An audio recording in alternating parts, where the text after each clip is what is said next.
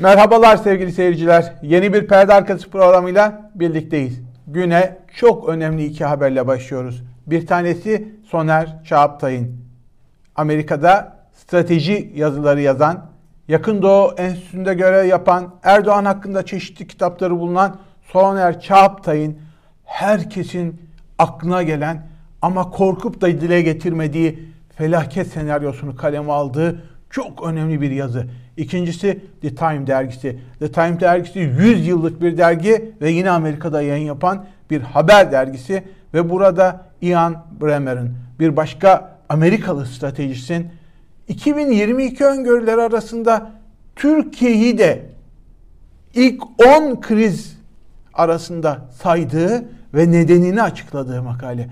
Her ikisini ele alacağız. Sonra Erdoğan'ın iş savaş çağrısı, muhalefetin tepkileri bir bütün olarak ele aldığımızda işte felaket senaryosu ve korkulanlar. Soner Çağaptay.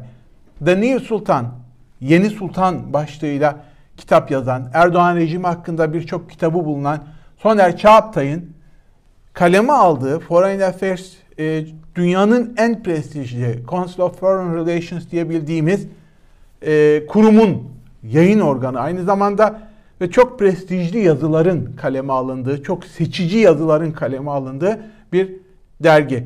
Siyaset dergisi, Uluslararası İlişkiler dergisi ve dünyada en saygın dergilerden bir tanesi. Soner Çağaptay işte burada Erdoğan's Endgame, Erdoğan'ın bitiş oyunu, son oyunu diyebileceğiniz bir yazı kalemi almış.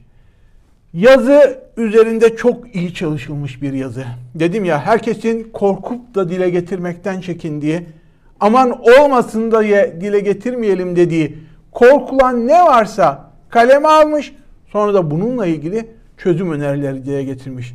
Aralarında Erdoğan ailesine aftan ordunun yönetime el koymasına kadar ihtimaller var. Yazı biraz uzun ama yazı o kadar iyi ki burada sizinle mümkün olduğu kadarını paylaşmaya çalışacağım.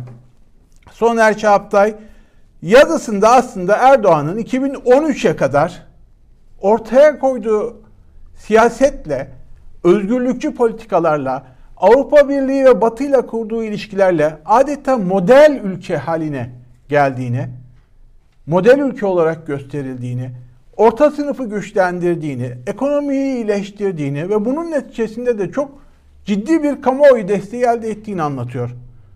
Sonrasında diyor ki 2003'ten itibaren gezi protestoları ardından 17-25 Aralık ve son olarak darbe ile birlikte, darbe girişimi ile birlikte 15 Ağustos'la birlikte Erdoğan değişti.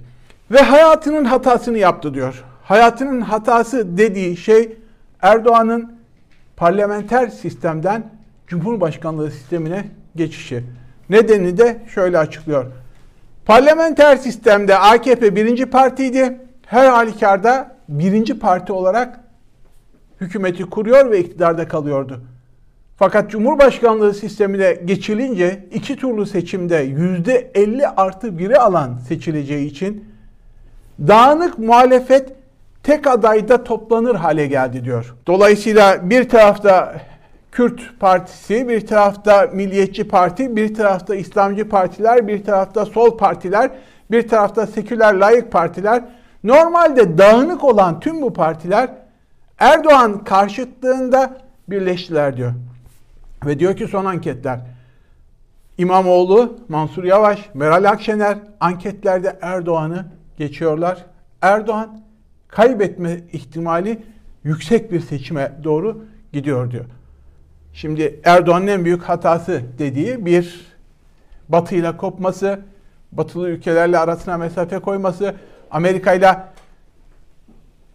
şu an itibariyle adeta e, ambargo dönemine girmiş olması, e, özellikle Rusya'dan S-400'ler aldıktan sonra ABD'den ambargo başlaması, Rusya'ya aşırı yanaşması, Erdoğan'ın artık öngörülemeyen stratejileri Erdoğan'ın batıdan kopması, ekonomik olarak ülkenin artık batış noktasına gelmesi, hyperinflasyon, yüksek enflasyon dönemine girilmesi Erdoğan'ın artık toparlayamayacağı bir sürece gireceğini söylüyor.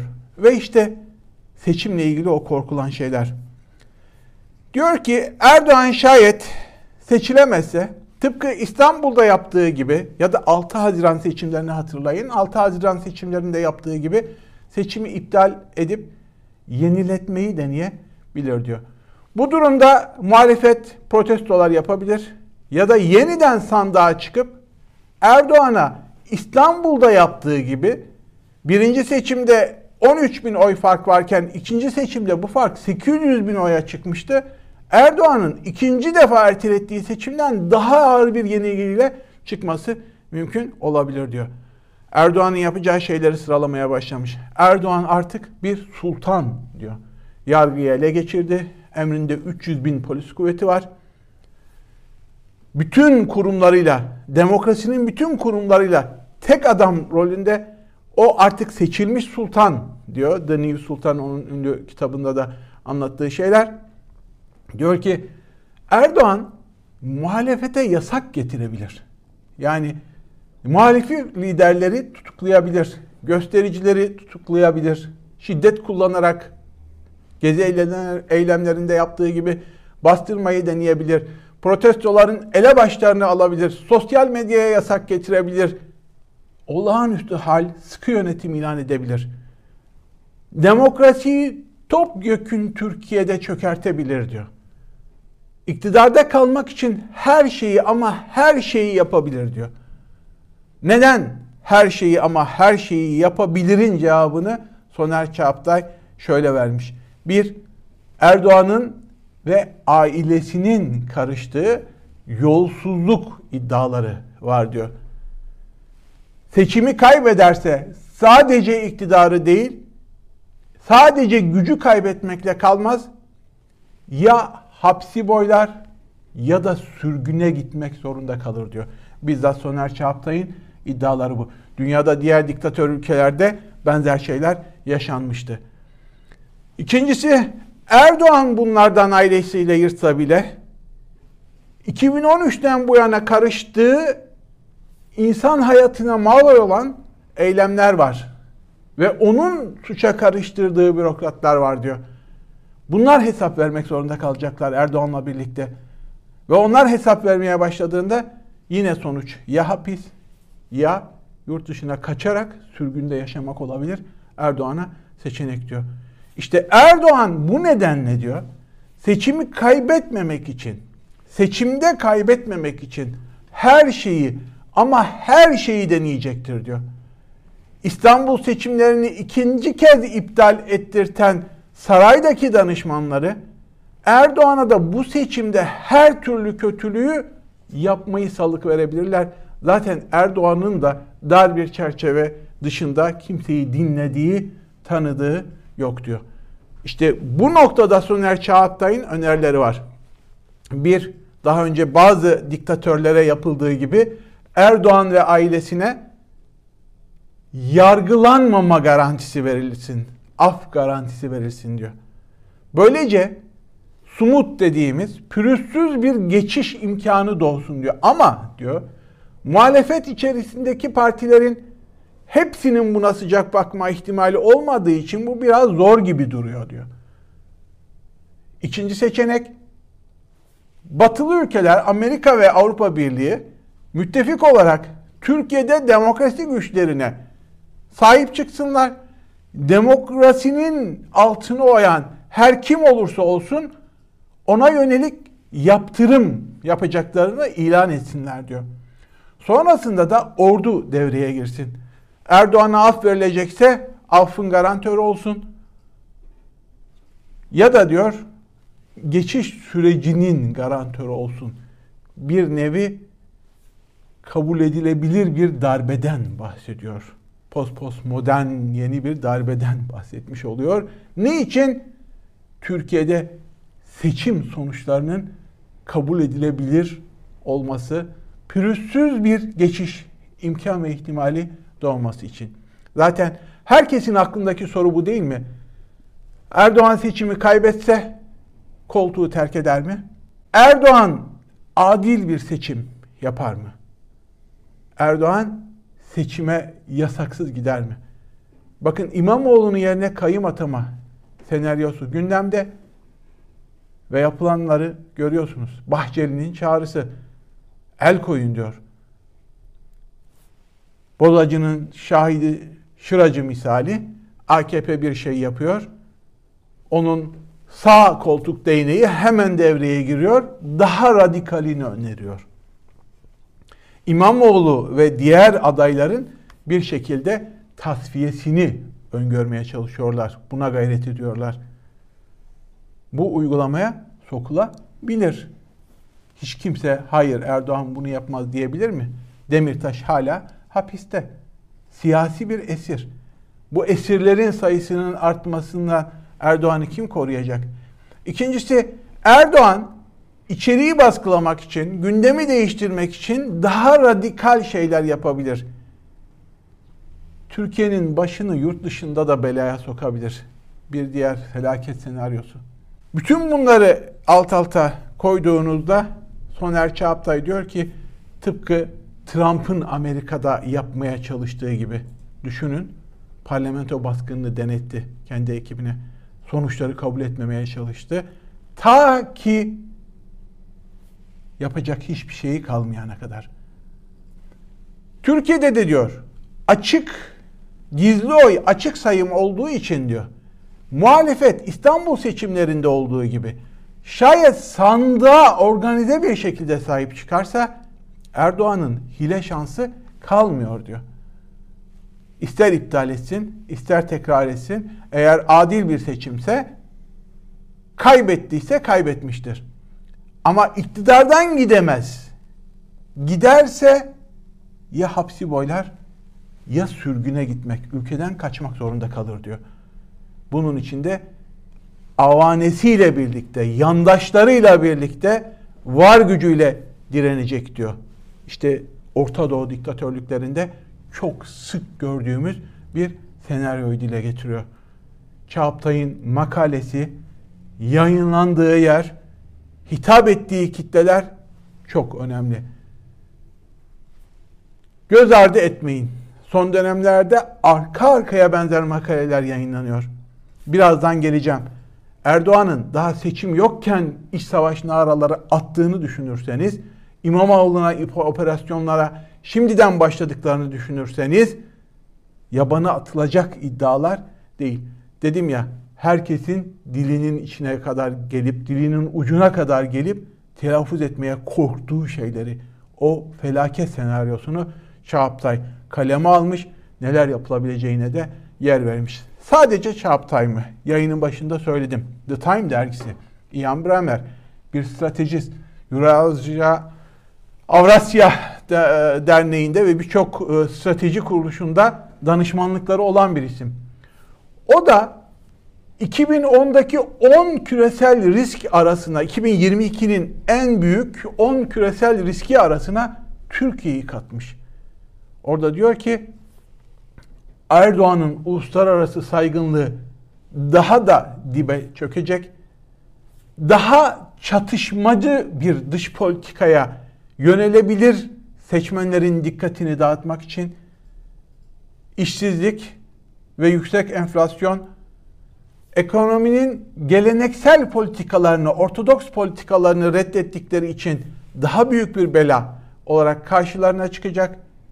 Ve şayet bir ihtimal erken seçim olursa da diyor, tüm bu ihtimaller çok daha kızgınlaşmış bir şekilde, daha da büyük şekilde, riskler daha da büyük şekilde karşımıza çıkacak diyor Ian Bremer. Bir tarafta Soner Çağaptay'ın Foreign Affairs'te yayınlanan yazısı, diğer tarafta Ian Bremer'ın The Times dergisinde yayınlanan küresel risk analizi, Türkiye'yi dahil ettiği risk analizi. Şimdi bunların üstüne siz Erdoğan'ın bir de iş savaş çağrısını bir daha hayal edin ve dinlenin. Erdoğan diyor ki utanmadan, sıkılmadan sokağa döküleceklermiş. Siz 15 Temmuz'u görmediniz mi? Şimdi 15 Temmuz demokratik bir gösteriymiş gibi, bir darbe girişimi değilmiş gibi ifade edilmiş. Bizler Cumhur İttifakı olarak hepinizi önümüze katar, Gideceğiniz yere kadar kovalarız. Gönül dilinden anlamayanlara anladıkları dilden konuşmasını biliriz. Şimdi demokratik bir seçimden demokratik bir hak olan sokak gösterilerinden anayasal güvence altındadır gösteri hakkı. Şiddetle bastırma diline dönmek, nefret dilini kullanmak kabul edilebilir bir şey değil. Muhalefet partileri açıklamaya oldukça sert cevap verdiler. Kemal Kılıçdaroğlu şahıs diyor saraydaki şahıs Erdoğan için. Oy oranlarını gördükçe dilinin söylediğini kulakları duymaz oldu. Bugün resmen iç savaş naraları atmaya başladın. Bu millet bunları yemez. Bu millet sen ve sülalen saraylarda yaşayasınız diye sokaklarda kan dökmeyecek. Sadece Kılıçdaroğlu değil, diğer muhalefet partileri de benzer ve sert açıklamalarda bulundular. Mesela Meral Akşener psikiyatriste görünme çağrısında bulunuyor Erdoğan'a. Geçtiğimiz günlerde de Kılıçdaroğlu ilaçlarını al, ihmal etme diyordu. Ardarda Erdoğan'a tırnak içinde söylüyorum psikolojik sorunları olduğu iması yapan iki büyük muhalefet partisinden açıklamalar. Seçim atmosferi yaklaştıkça Erdoğan girdiği krizden çıkamaz hale geldikçe ülke ekonomisi kötüleşip Erdoğan'ın liderlik oy potansiyeli düştükçe son bir anketle dördüncü sırada çıkıyor Erdoğan. Desteği düştükçe %55 Erdoğan'a oy vermem diyor. Bu çok önemli bir rakam.